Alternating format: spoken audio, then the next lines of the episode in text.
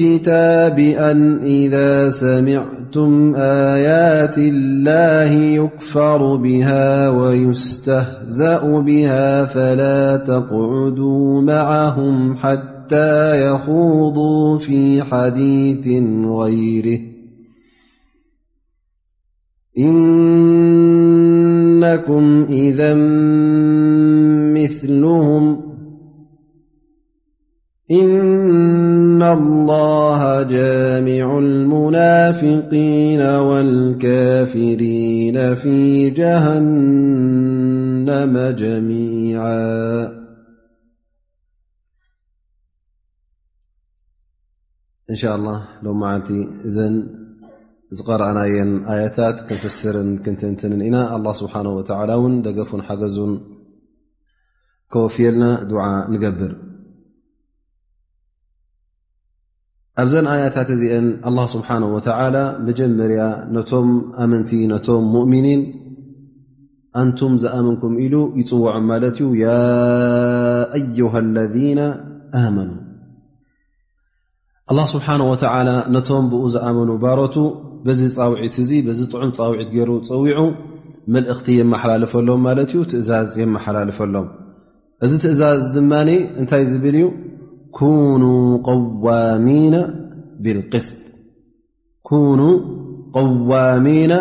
ብልቅስት ቀዋሚና ማለት ነቲ ንሓደ ነገር ንዝኾ ነገር ክትሕዞ ከለኻ ኣትሪርካ ክትሕዞ ከለኻ ቐጥ ኣቢልካ ክትሕዞ ከለኻ ተቁሙ ብልኣምር ማለት ኣከታትልካ ቐጥ ኣቢልካ ንኡ ኬፈናኻዮ ክትከይድ ከለኻ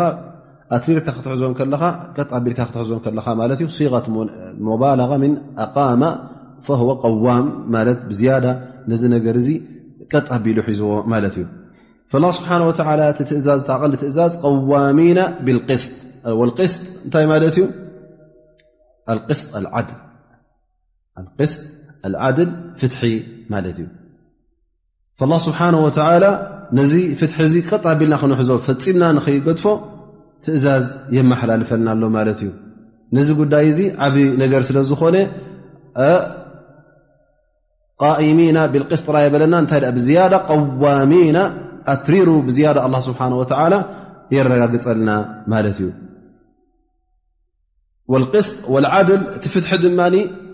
ሓደ ባርያ ወዲ ሰብ ገብሮ ከሎ የኩኑ ሙቕሲጣ ማ ላ ስብሓ ወ ወየኩኑ ሙቕሲጣ ዓ መን ማ ዕባድ ላ ስብሓ ወ ብሓደ ሸነኽ ምስ ኣላ ስብሓ ወ ፍትሐኛ ክኸውን ኣለዎ ብሓደ ሸነኽ ድማ ምስ ባሮቱ ምስቶም ንዕኡ ዝመሱ ደቂ ሰብ እውን ፍትሐኛ ይኸውን ማለት እዩ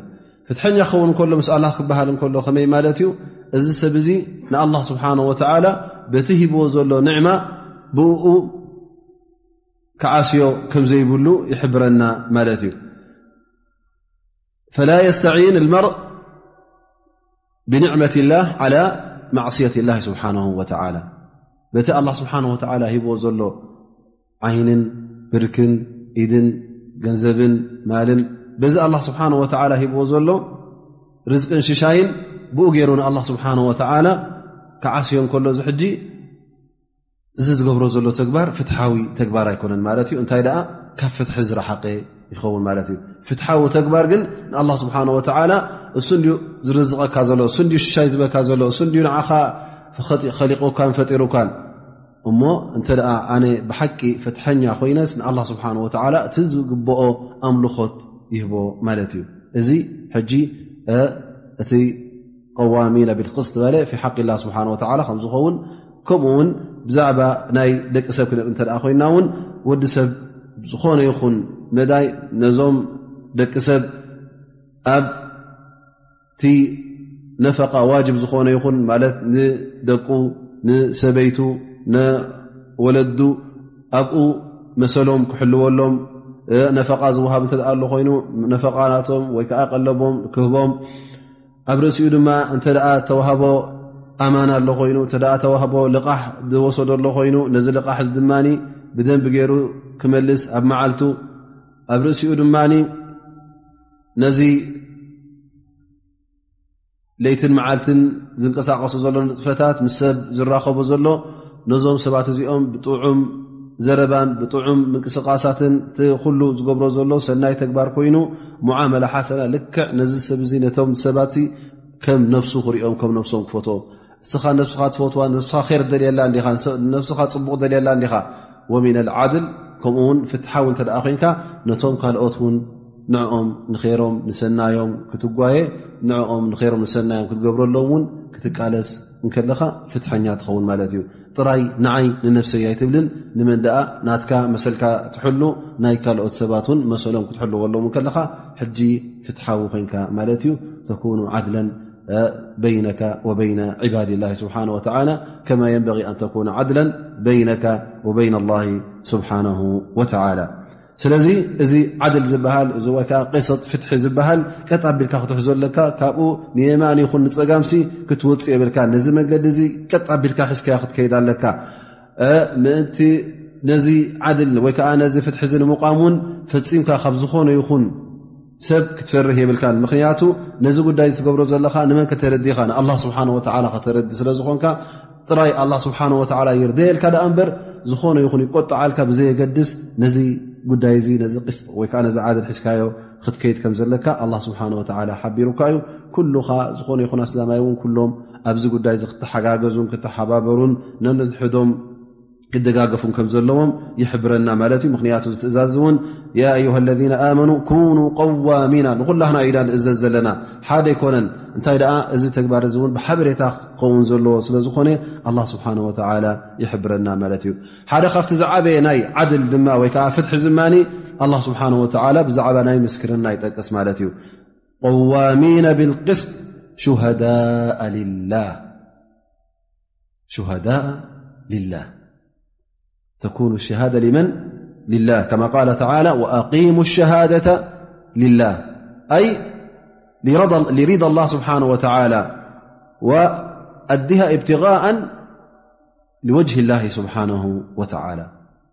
ስለዚ እንተ ደኣ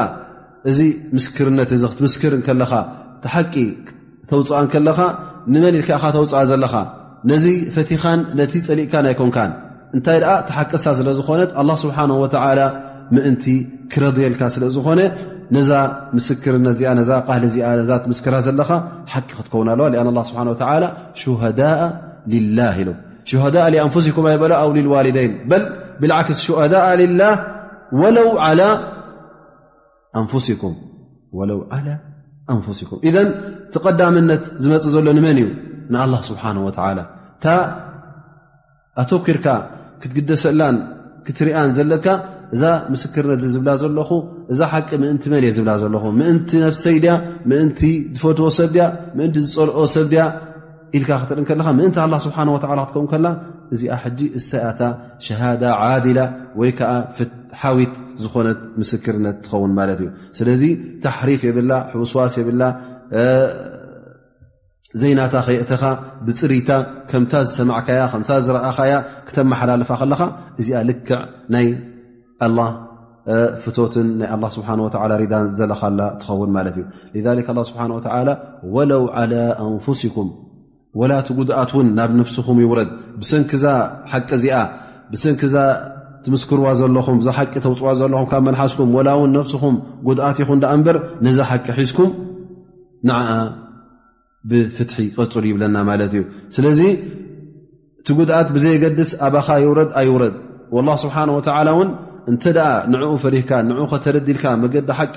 ቅንዕና እተ ሒዝካ ኣብ ዝባንካ ጉድኣት ከምዘይውርደልካ እውን ክትፈልጥ ኣለካ ማለት እዩ ኣን ላ ስብሓን ወላ የል ወመን የተቂ ላ የጅዓል ለ መረጃ ኣላ ስብሓን ወተላ ፈሪካ እንተ እታ ሓቂ ሒዝካ ኣላ ስብሓን ወተላ ፈረጃን መውፅእን ክገብረልካ እዩ ስለዚ እቲ ጉድኣት ናባይ ክወድቕ እዩ ወይ ከዓ ሽግር ክመፀኒ እዩ በዛ ሓቂ ተዛረብኳ ኢልካ ክትፈርህ የብልካ እንተ ሓቂ ተዛሪበ እቲ ገንዘበይ ወይ ከዓ እቲ ንብረተይ እቲ ናተይ ክውሰድ እዩ እተ ብዘይ ሓቂ ዝምፃእካ ኮይንካ ንብረት ይኽድ ሃብቲ ይኽድ ብዘየገድስ ተጠንቂቕካ ነቲ ሓቂ ድኣ ሒዝካ ንዓኣ ክትከይድ ኣለካ ይብለካ ኣሎ እዚ ጥራይ እውን ኣይኮነን ነፍስኻ እውን ኣይኮነን ኣው ልዋሊደይን ወልኣቅረቢን ሊኣን ላ ስብሓን ወተላ እዚ ባዕሉ ስለ ዝኸለቀና እቲ ነብስና ዘሎ እ ልብና ዘሎ እቲ ባህርያት ናይ ወዲ ሰብ ዝፈልጦ እዩ ኩሉ ግዜ ወዲ ሰብ ምስ ኣሕዋቱ ምስ ኣቦኡን ምስ ነዛ ነፍሱን ንቤተሰቡን ንስድርኡን ብዝያዳ ካብ ካልኦት ኣቕሪቡ ስለ ዝሪኦም ምናልባሽ ብሰንኮም ናብ ጌጋ ክወድቕ ስለ ዝኽእል እሞ ኣነስ እዚኣ ምእንቲ ቦይ ኣብ ነቦኻ ፀዓ ምግባር ሰናይ ምግባር ንቤተሰብካ ፅቡቕ ምግባርሲ ብኣላ ስብሓን ወተዓላ ፍትው እንዲ ኢሉ በዚ ጥውይ ኢሉ መፅኡ መታን ነዛ መገዲ ሓቂ ንኸይጠውያ ነዛ መገዲ ፍትሒ ንኸየበላሸዋ ኣላ ስብሓን ወተዓላ የጠንቀቐሎ ማለት እዩ ኩኑ ቀዋሚና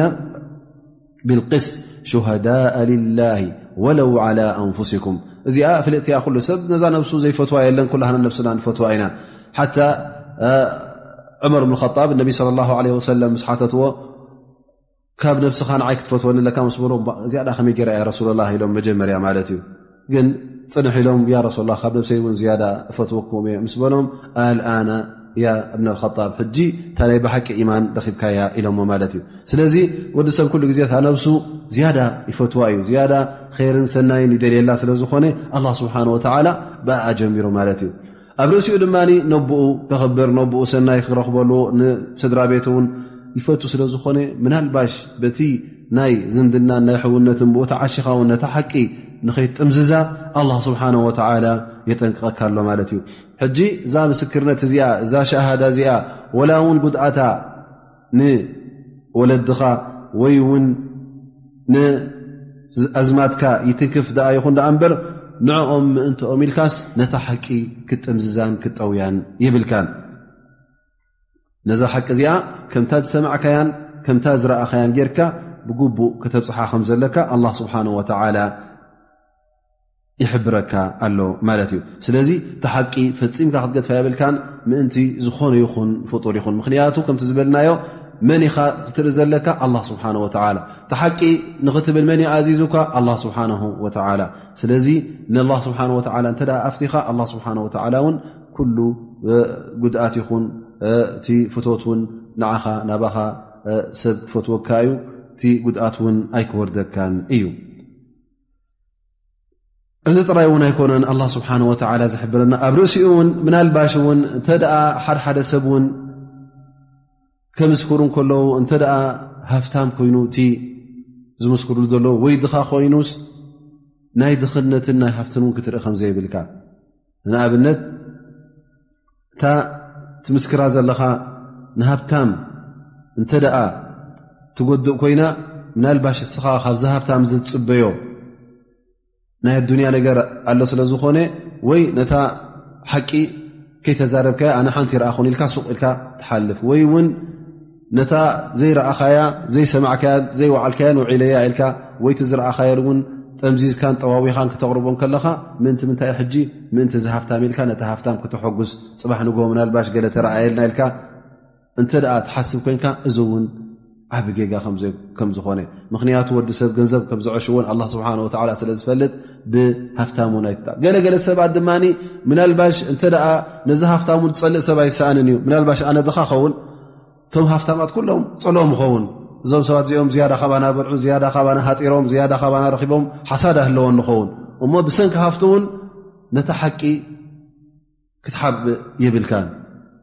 ብሃፍቱ ፍተዎ ንሃፍቱ ፅልኣዮ ነዚ ነገር እዚ ርኢኻ ብሰንኩ ነዛ ምስክርነት እዚኣ ክተጥፈኣ የብልካን ከምኡ ብካልእ ሸነኽ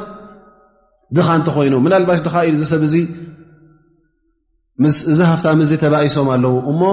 እዚ ዳኣ እንታይ ስኢኑ በዓል ሃፍቲ እንድዩ እሞ ምእንቲ ድኻ እዚ ድኻ እዚ ሽወያ ቁሩብ ኣደንጊፁኒ እሞኒ ምእንቱ ኢለ ሽወያ እዛ ምስከረይሲ ጥውይ ከብለላ ዓሪ ከብለላ እሞኒ ገለ ተረኸበ ካብታ ዝሰሓሓቡላ ዘለዉ ኢለ እንተ ደኣ ክጠውያ ኮይነ ሕጂ እንታይ እየ ዝሓስብ ዘለኹ ኣነ ነታ ነብሰይ ን ክነዐሽ ኣነ ንታይ ር ገብር ኣለኹ ዘቕርባ ዘለኹ ማለት እዩ እዚ ድኻ ን ሓንቲ የብሉን እሞ ገለ ተረኸበ መስኪናይ ኢልካ ደንጊፅካ ሓሲብካ እሞ ኣነስ ንር ሓሲበ ኢልካ ነዛ ምስክርነት እዚኣ ጥውይ ኣቢልካ ዘይናታ ዘይሓቂ ክትዛረብ ከለኻ ሕጂ ሰናይ ኣይገበርካ ር ኣይገበርካ እንታይ እክዕ ኢኻ ትገብር ዘለኻ ማለት እዩ ስለዚ ሃፍታም ይኹን ወይ ድኻ ኣደንጊፁካ ወይ ድ ሃፍታም ሙጃመላ ኢልካ ይኹን ብዝኾነ ይኹን መገድስ ካብዚ መገዲ ሓቂ ክትወፅእ ከም ዘይብልካ ነቲ ሓቂ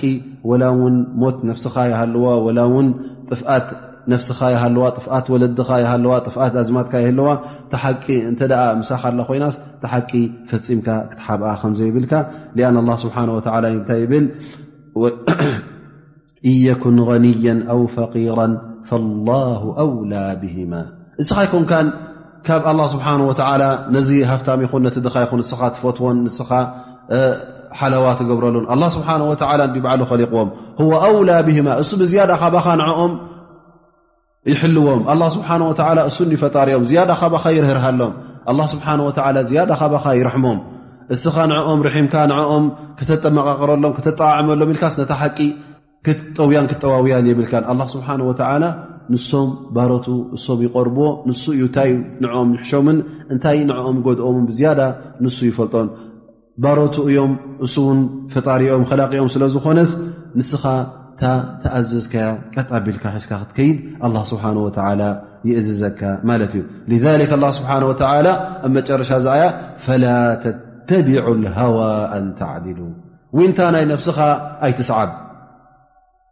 እንታይ ደኣ ሓቂ ሰዓብ ዊንታ ናይ ነብሲ ሕጂ እዚ ኩሉ በቢ ሓደ ተጠቐሰ ኣላ ስብሓን ወተላ ኣጠቓሊልዎ ማለት እዩ ዊንታ ናይ ነፍሲ ፍቕሪ ናይ ኣቦኻ ናይ ኣዝማትካ ፍቕሪ ናይ ገንዘብ ፍቕሪ ናይ ሕውነት ኣለካ ኮይኑ እሞ ምእንቲ እታ ሕውነትና ከይትበላሾ ዓርከይ እንድዩ ሓወይ እንድዩ ዘመደይ እንድዩ ኢልካ ወይ እውን ካልእ ናይ ኣዱንያ ነገር ስምዒትካ ንምርዋ ኢልካ እትደልየሉ ነገር ብሰንኩ ምስክርነትካ ንኸይትብትንን ምስክርነትካ ንኸይትጥፍእን ኣላ ስብሓን ወተዓላ ፈላ ተተቢዑ ልሃዋ ዊንታ ናይ ነፍስኹም ኣይትስዓቡ ኢሉ ኣላ ስብሓን ወተላ የጠንቅቐና ፈላ ተተቢዑ ሃዋ ኣንተዕድሉ ኣይ ብማዕና ኣላ ተዕድሉ ማለት ነቲ ዊንታኹም ተኸትልኩም ኣንፃር ፍትሒ ኣይትኺዱ እዘን ኣንፃር ዊንታኹም ደኣ ኺዱ ልክዕ ነታ ፍትሒ ሰዓቡ ማለት እዩ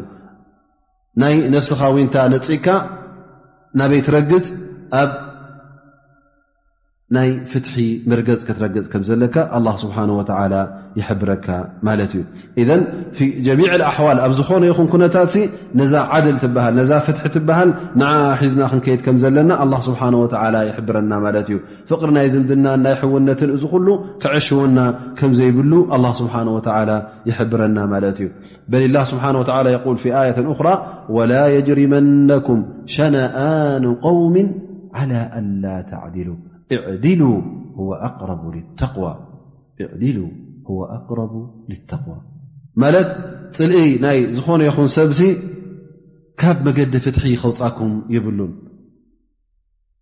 ፈቲኻዮ ፀሊእካዮስ ካብ ፍትሒ ክትርሕቕ የብልካን እዚ ንመስካሪ እዩ ዝበሃል ዘሎ እተ ስኻ ፈራዳይ ኮንካ ድማ ብዝያዳ ትፍትሒ ሒዝካ ብፍትሒ ክትፈርድ ከም ዘለካ ይሕብረካ ኣሎ ማለት እዩ ذ ሓደ ግዜ ነቢ صለ ላ ለ ወሰለም ዓብዱላ ብኒ ረዋሓ ናብ ኸይበር ይሰድዎ ማለት እዩ ናብ ኸይበር ምስ ሰደድዎ ኣህሊ ከይበር ጠብዓ ኣይሁዳውያን እዮም ነይሮም ስለዚ ኣብ መንጎኦምን ኣብ መንጎ ነቢና ሓመድን ለ ላ ለ ሰለም ስምምዕ ነይሩ ማለት እዩ ንሶም ነቲ ዘሎ ግራውቲ ወይ ከዓ ነቲ ዘሎ ዘራእቲ ንኡ ክናብዩን ንኡ ክዘርኡን ኣብ ዓመት ድማ ውሱን ዝኾነ ነቢ ስለ ላ ለ ወሰለም ካብቲ ፍርያቶም ንክወስድ ተሰማሚዖ ማለት እዩ እሶም ድማ በቲ ጉልበቶም ዝሓርስዎ ዘለዉ ውሱን ዝኾነ ፍርያት ንክወስዱ ተሰማሚዖም ነሮም ማለት እዩ ዓብድላ ብኒ ረዋሓ ይኸይድ ማለት እዩ ምእንቲ ምንታይ ነቲ ዘሎ ነኺል ወይ ከዓ ነቲ ተምሪ ገና ኣብ ኣእዋሙ እንከሎ ክንደይ ከም ዝኾነ ንዕኦም ክንደይ ከም ዝወስዱ ንነቢና ሙሓመድ ስ ሰለ እውን ክንደይ ከም ዝወሃብ ንዕኡ ክግምት ይመፅእ ማለት እዩ ኸርስ ይበሃል እዚ ነዚ ይመፅ ማለት እዩ ምስ መፀ እንታይ ይገብሩ ማለት እዮም ረሽዋ ንኽብዎ ብላዕ ንኽህብዎ ይፍትኑ መጀመርያ ምእንቲ ምንታይ ምእንቲ ገለ ካብቲ ፍርያ ዝፈር ብዝያዳ ንኦም ክገድፈሎም ወይ ከዓ ብዝያዳ ድማ ንኸይወስድ ካብኦም ብማለት ካብዚ ተበጊሶም ማለት እዩ عبد الله بن رواح بلوم والله لقد جئتكم من أحب الخلق إلي ولأنتم أبغض إلي من أعدادكم من القرضة والخنازير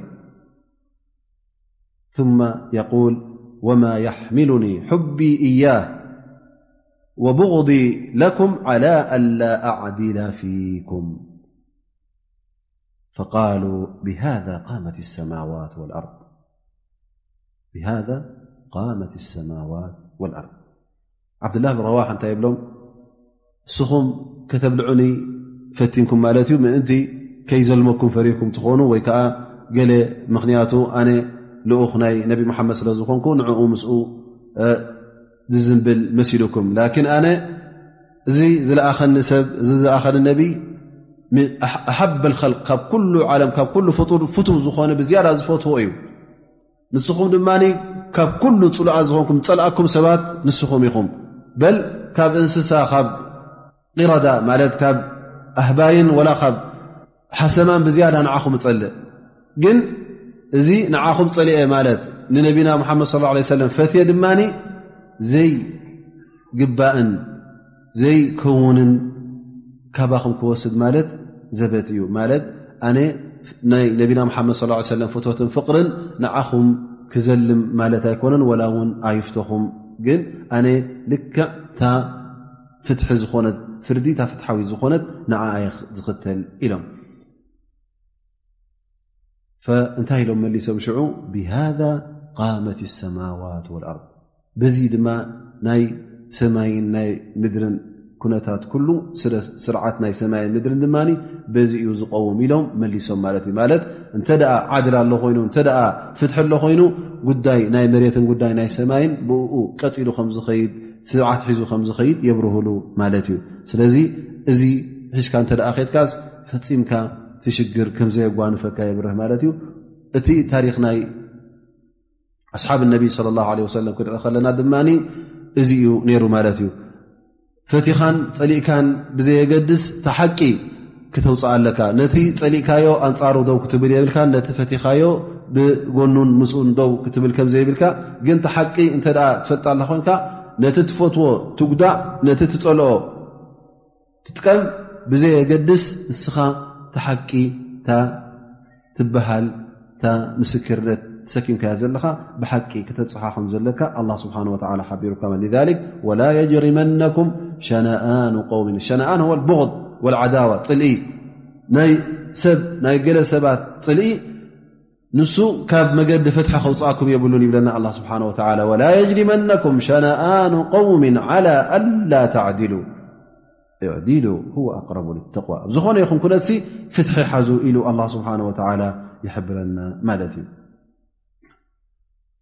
ثم يقول الله سبحانه وتعالى وإن تلووا أو تعرضوا تلووا معناها تحرفوا كما قال الله سبحانه وتعالى وإن منهم لفريقا يلوون ألسنتهم بالكتاب هذا طبعا في حق ኣህል ክታብ ገለ ካብቶም ኣህል ክታብ ነዚ ክታብ እቲ ወይ ከዓ ነቲ መፅሓፎም ከንብብዎን ከመሓላልፍዎን እንከለዉ ብመልሓሶም እናጠዋወዩ ዘይናቱ ዘይብሉ የእትውሉ ነይሮም ማለት እዩ ذሊክ ኣላ ስብሓን ላ እን ወኢን ተልዉ ኣይ ወኢን ትሓርፉ ወትغይሩ እታ ተዋሂብኩማ ዘለኹም ምስክር እታ ዝረእኹማ ዝሰማዕኩማን እንተ ቐይርኩማ እተ ለዊጥኩማ እተ ዘይናታ ሂብኩማ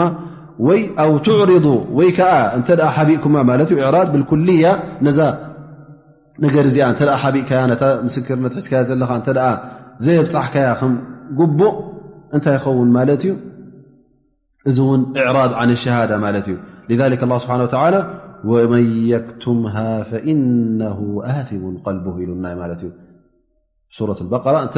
ነታ ምስክር ሰኪምካ ዘለካ እተ እናተደልየት ከላ ኣብተ ዘድልያ ሰዓት እንተ ዘየብፃሕካያ እስኻ በዛ ዝሓባእካያን በዛ ስቕ ዝበልካያን ኣብ ዘንቢ ወዲቕካ ማለት እዩ ስለዚ ነዛ ምስክርነት እዚኣ ክትምስክር ከለኻ ኣብታ ትድለያ ሰዓት ኣብታ ትድለያ እዋንሲ ቤታ ናታ ክተብፅሓ ከምዘለካ ስብሓ ወላ ይእዝዘካ ማለት እዩ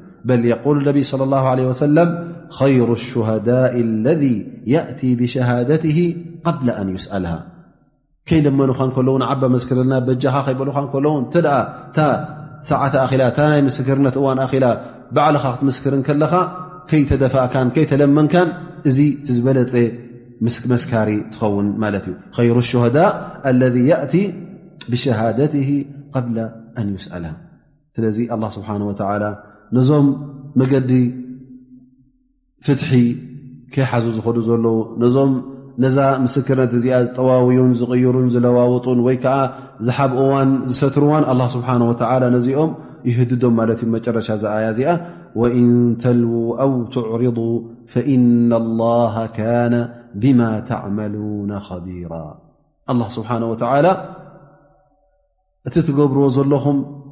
ይፈልጦ እዩ ኣጥቢቑ ይፈልጦ እዩ ካብኡ ዝሕባእ ኣይኮነን እቲ ሓቂ ኩላ ዲኹም ኣውፅእኩማ ዘለኹም ወይ ካብኣ ዝሓባእኩማ ነገር ኣላ እያ እታ ምስክርነት ምእንቲ ምንታይ ኢኹም መስኪርኩም ዘለኹም ሃፍታም ክፈትወልኩም ድዩ ወይስ ንድኻ ክተርብሑ ኢልኩም ወይስ ነብስኹም ክተርብሑ ዩ ወይ ንወለድኹም ወይ ከ ተሓቂ ናይ ብሓቂ ሒዝኩም ብፍትሒ ኢኹም መስኪርኩም ዘለኹም ኣላ ስብሓን ወተዓላ ዝሕበኦ ነገር የለን ምናልባሽ ተሓቂ ብጀካኻ ዘይፈልጣ የለን እሞ እስኻ መስኪርካ እስኻ ቀሪብካ እታ ምስክርነት ክተብፅሓ ከለኻ ኣነ ጥራይ ዝፈልጥ ኣነ ድላየ ክገብራ ክእል እየ እተ ትብላ ኣለኻ ኮንካ ኣላ ስብሓን ወተላ ከምዘሎ ክትርስዕ የብልካ እቲ ሓቂ እውን ኣላ ስብሓን ወላ ይፈልጣ ከም ምኳኑ ምናልባሽ ነቲ ፈራዳይ ተዕሽቦ ምናልባሽ ነቲ ዝማጎት ዘሎ ነቲ ተባኢሶም ዘሎ ነቶም ዝማጎቱ ዘለዉ ከተዕሽቦም ትኽእል ግን ንኣላ ስብሓን ወላ ከተዕሹ ትኽእል ዲኻ ፈፂምካ ኣይትኽእልን ኢኻ ሊክ ኣላ ስብሓን ወላ ኣጥቢቑ ይፈልጥ ከም ምኳኑ ፈኢና ላ ካነ ብማ ተዕመሉና ዝኾነ ይኹን ነገር ትገብርዎ ይዕበይ ይንኣሽ ይተሓባ ይገላ ኣላ ስብሓን ወላ ከቢሩን ብሂኣይ ኣጥቢቑ ይፈልጦ እዩ ካብኡ ዝሕባእ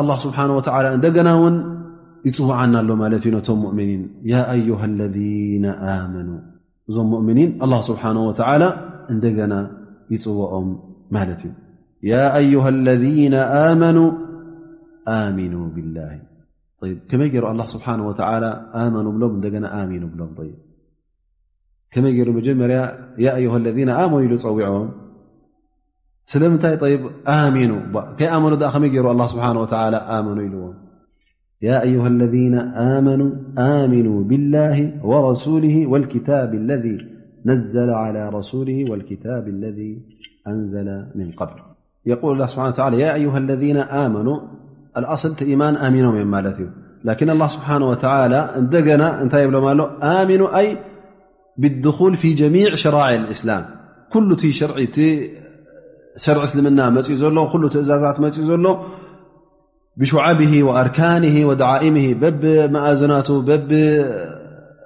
ኣርካኑ ብኩሉ ብሓፈሽኡ ንኩሉ ሒዝኩም ተጓዓዙ ይብሎም ኣሎ ማለት እዩ ኣላ ስብሓን ወተላ እዚ ሕጂ እቲ ኢማን ገዛ ርእሱ እውን ሙሉእ ኢማን ዘለዎ ሰብ ኣሎ ኣሎ ድማ እቲ ኢማን ይበዝሕን ይጎድልን ይንክን ስለ ዝኾነ ሙሉእ ኢማን ንክህልወካ እቲ ኣሚንካዮ ዘለካ ብዝያዳ ክመልእ ከም ዘለዎ ኢማን ክመልእ እተ ኮይኑ ድማ ብምንታይ እዩ ዝመልእ ብሰናይ ተግባራት የዚዱ ብጣዓ ወየንቁሱ ብልማዕስያ ኩሉ ነቲ ኣላ ስብሓን ወላ ዝሸርዖን ኣላ ስብሓ ወ ዝኣዘዞን ኣላ ስብሓ ወ ዝበሎን ኣብ ክታቡ ንኩሉ ኣኻኺብካ ነቲ ኩሉ ትእዛዛት ኣብ ግብሪ ክተውዕል ከለኻ ነቲ ኩሉ መጠንቀቕታ ነቲ ኣላ ስብሓ ወ ኣይትግበሮ ዝበለካ ካብኡ ክትረሕቕ ከለኻ ሕጂ ነዚ ኢኻ ዝያዳ ተማልእ ዘለኻ ማለት እዩ ገለ ዑለማء ድማ ይብሉ እዚኣ ኣብ መን እያ ወሪዳ ኣብቶም ኣህሊ ክታብ ቶም ዝኣመኑ ል ነዘለት ፊ ሙስሊሚ ኣህሊ ክታብ ከም በዓል ዓብዱላህ ብኒ ሰላም ከምኡ ውን ኣሰድ ኡሰይድ እብነይ ከዓብ ዝበሃሉ ነይሮም እዞም ሰባት እዚኦም እንታይ ኢሎም ያ ረሱላ ላህ ንሕና ብኣኻ ንኣምን ኢና ብሙሳ ዓለ ሰላም ን ንኣምን በቲ ዝወረደ ተውራት በቲ ቅድሚኡ ዝነበረስ ኣይንኣምን ኢና ስለ ዝበሉ እዛ ኣያ እዚኣ ወሪዳ ይበሃል እዛ ኣያ እዚኣ ወሪዳ ያ ዩሃ ለذና ኣመኑ እስኹም ኣሚንኩም ዲኹም ብመሓመድ ትብሉ ዘለኹም ብሙሳ እንደገና ነዞም ሰባት እዚኦም ኣላ ስብሓን ወተላ እንታይ ይብሎም ኣሎ ኣሚኑ ብላሂ ወረሱሊ ወልክታብ ለذ ነዘለ ዓላ ረሱሊ ወልክታብ ለذ ኣንዘለ ምን ቐብል ከምኡ እቲ ዝሓለፈ ክታብ እቲ ኩሉ ክኣምኑ ከም ዘለዎም ነዚ እዩ ይብሉ ገለ ዑለማእ ማለት እዩ እዚ ሕጂ ክልተ ርእቶ ኣለዎ ማለት እዩ ወይ ከዓ ክልተ ዓይነት እዘ እታ ቀዳመይቲ ከመይ ትኸውን ማለት እዩ ማለት እታ ትጥለብ ዘላ ኢማን ናይ ብሓቂ እቲ ዘለካ ኢማን ንዕኡ ክትዐብ መዓራሪ ከም ዘለካ ብእክላስ ብሙታብዓ ንኣላ ስብሓን ወተላ ተባ እናገበርካ ነቲ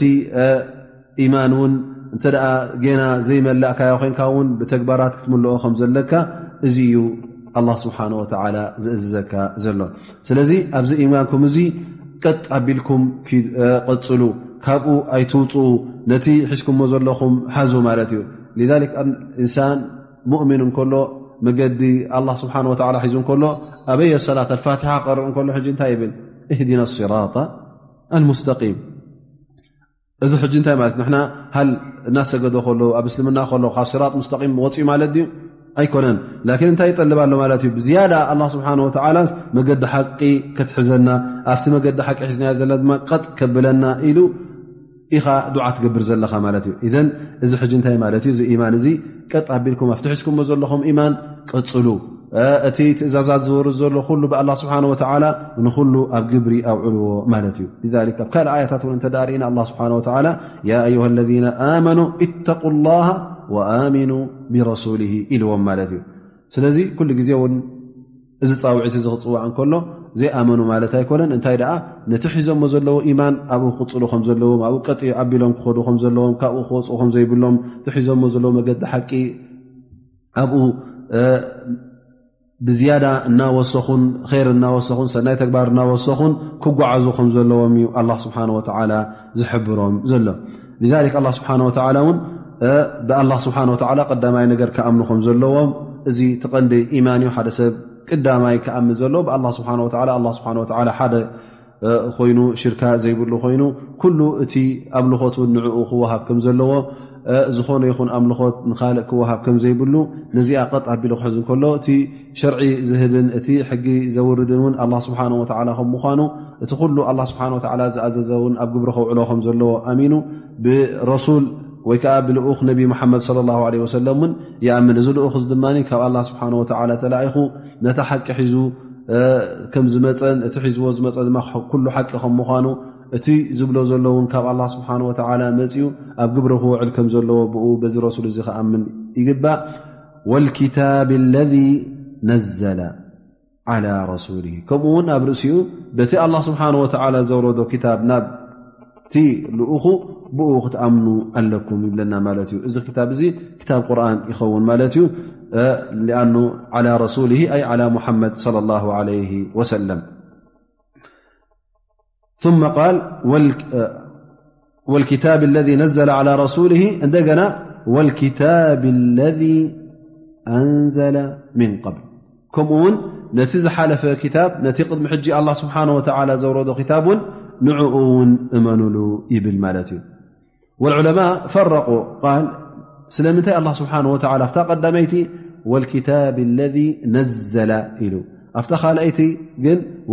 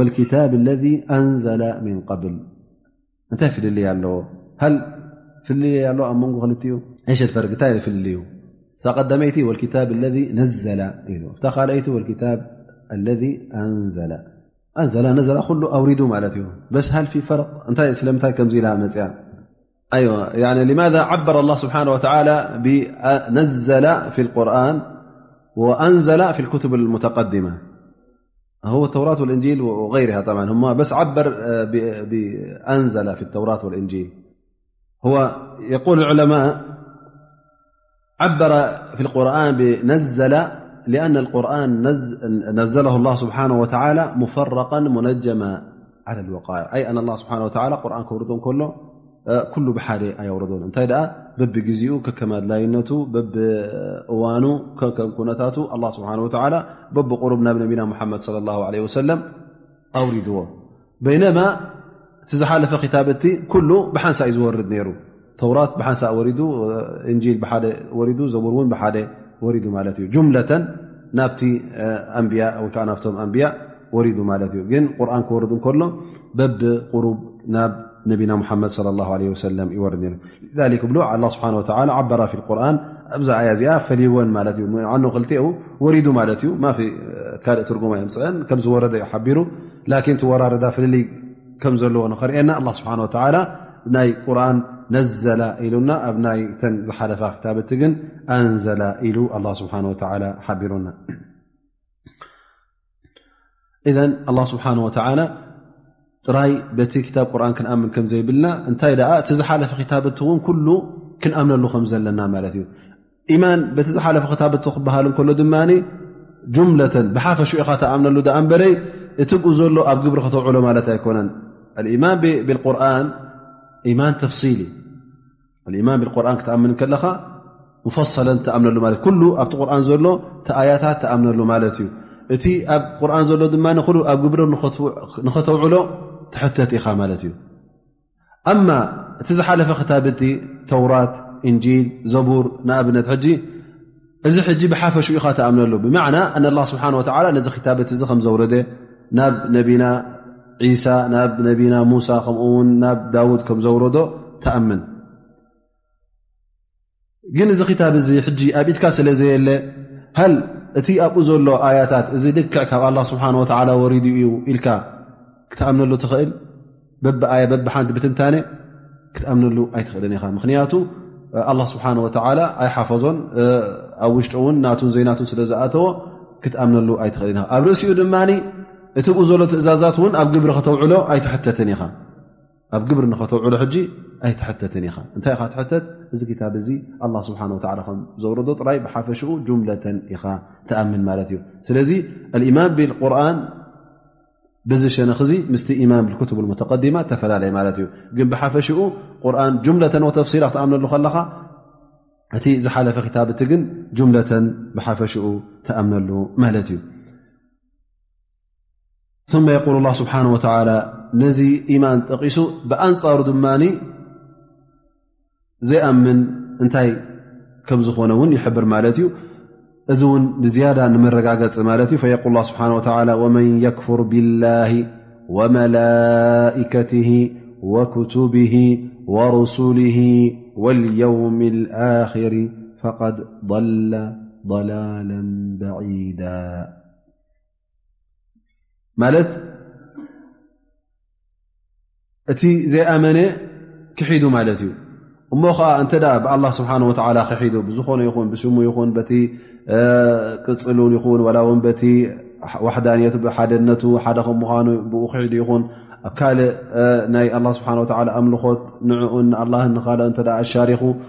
ወይ እቲ ንኣላ ስብሓን ወተላ ዝግባእ ንካል እተ ሂቡ እዚ ክሕደት ይቁፅር ማለት እዩ ወይ ከዓ ብኩልንትንኡ እውን ከምዞም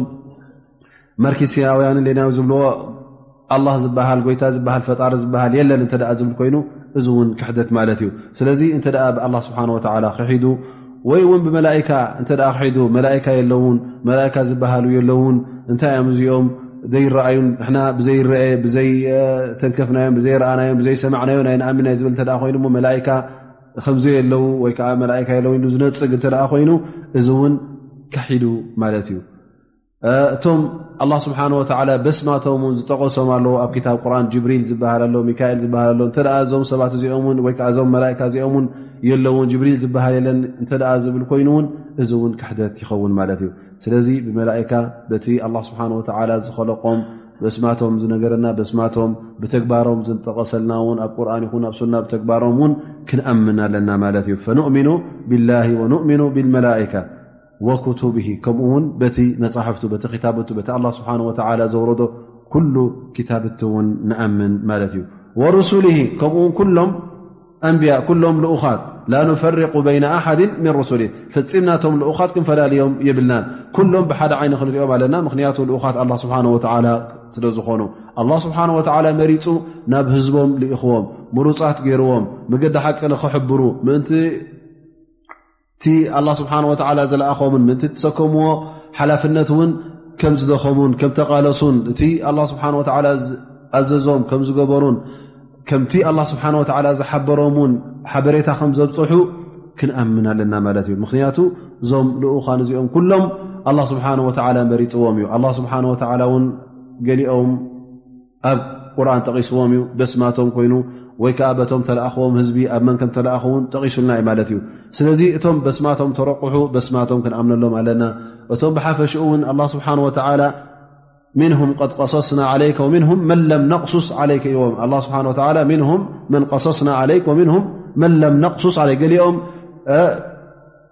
ዛንተኦም ነጊርናካ ኢና ገሊኦም ድማ ዛንተኦም ዘይነገርናካ ኣለዉ ኢሉ ኣላ ስብሓን ወላ ነቢና ሙሓመድ ሓቢርዎ እዩ ስለዚ እቶም ኣንብያ ኩሎም ቶም ልኡኻን ኣላ ስብሓን ወላ ኩሎም ኣይነገረናን ግን እቶም ኣብ ቁርን ተጠቐሱ ብበስማቶም ንኣምነሎም ብሓፈሽኡ ድማ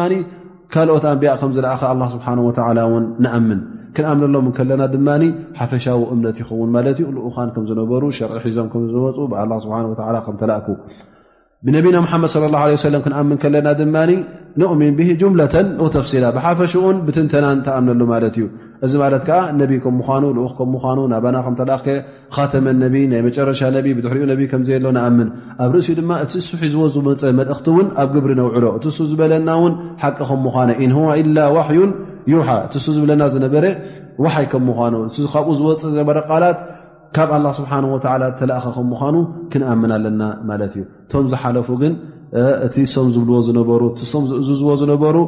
ምስቶም ህዝቦም ተጨሪሱ ማለት እዩ ንህዝቦምን ነቶም ማሕበረሰቦምን ንዕኦም እዩ ነይሩ ማለት ዩ ትእዛዝ ስለዚ ትእዛዞም ክንክተል ኣይንጥለብን ኢና ኣይንሕተት ኢና ብሓፈሽኡ ግን ኣንቢያ ከም ዝነበሩ ነኽብሮም ንፈትዎም ኣላ ስብሓን ወላ ምስኦም ሓዊሱ ምስኦም ኣብ ጀና ንኸእትወና ውን ዱዓ ንገብር ግን ካብኡ ሓሊፉ እቲ ናቶም ትእዛዛት ነቲ ህዝቦም ዝነበረ ታሪኹ ስለ ዝሓለፈ ኣላ ስብሓን ወተዓላ ብነቢና ሓመድ ለ ላ ለ ሰለም ኩሉ ዝሓለፈ ሸርዕታት ስለ ዝተሰረዘ ብነቢና ሓመድ ለ ላ ሰለም ዝመፀና ሸርዕን ትእዛዝን ንኡ ቀጣቢልና ኢና ክንከይድ ዝግብኣና ን ቀጣቢልና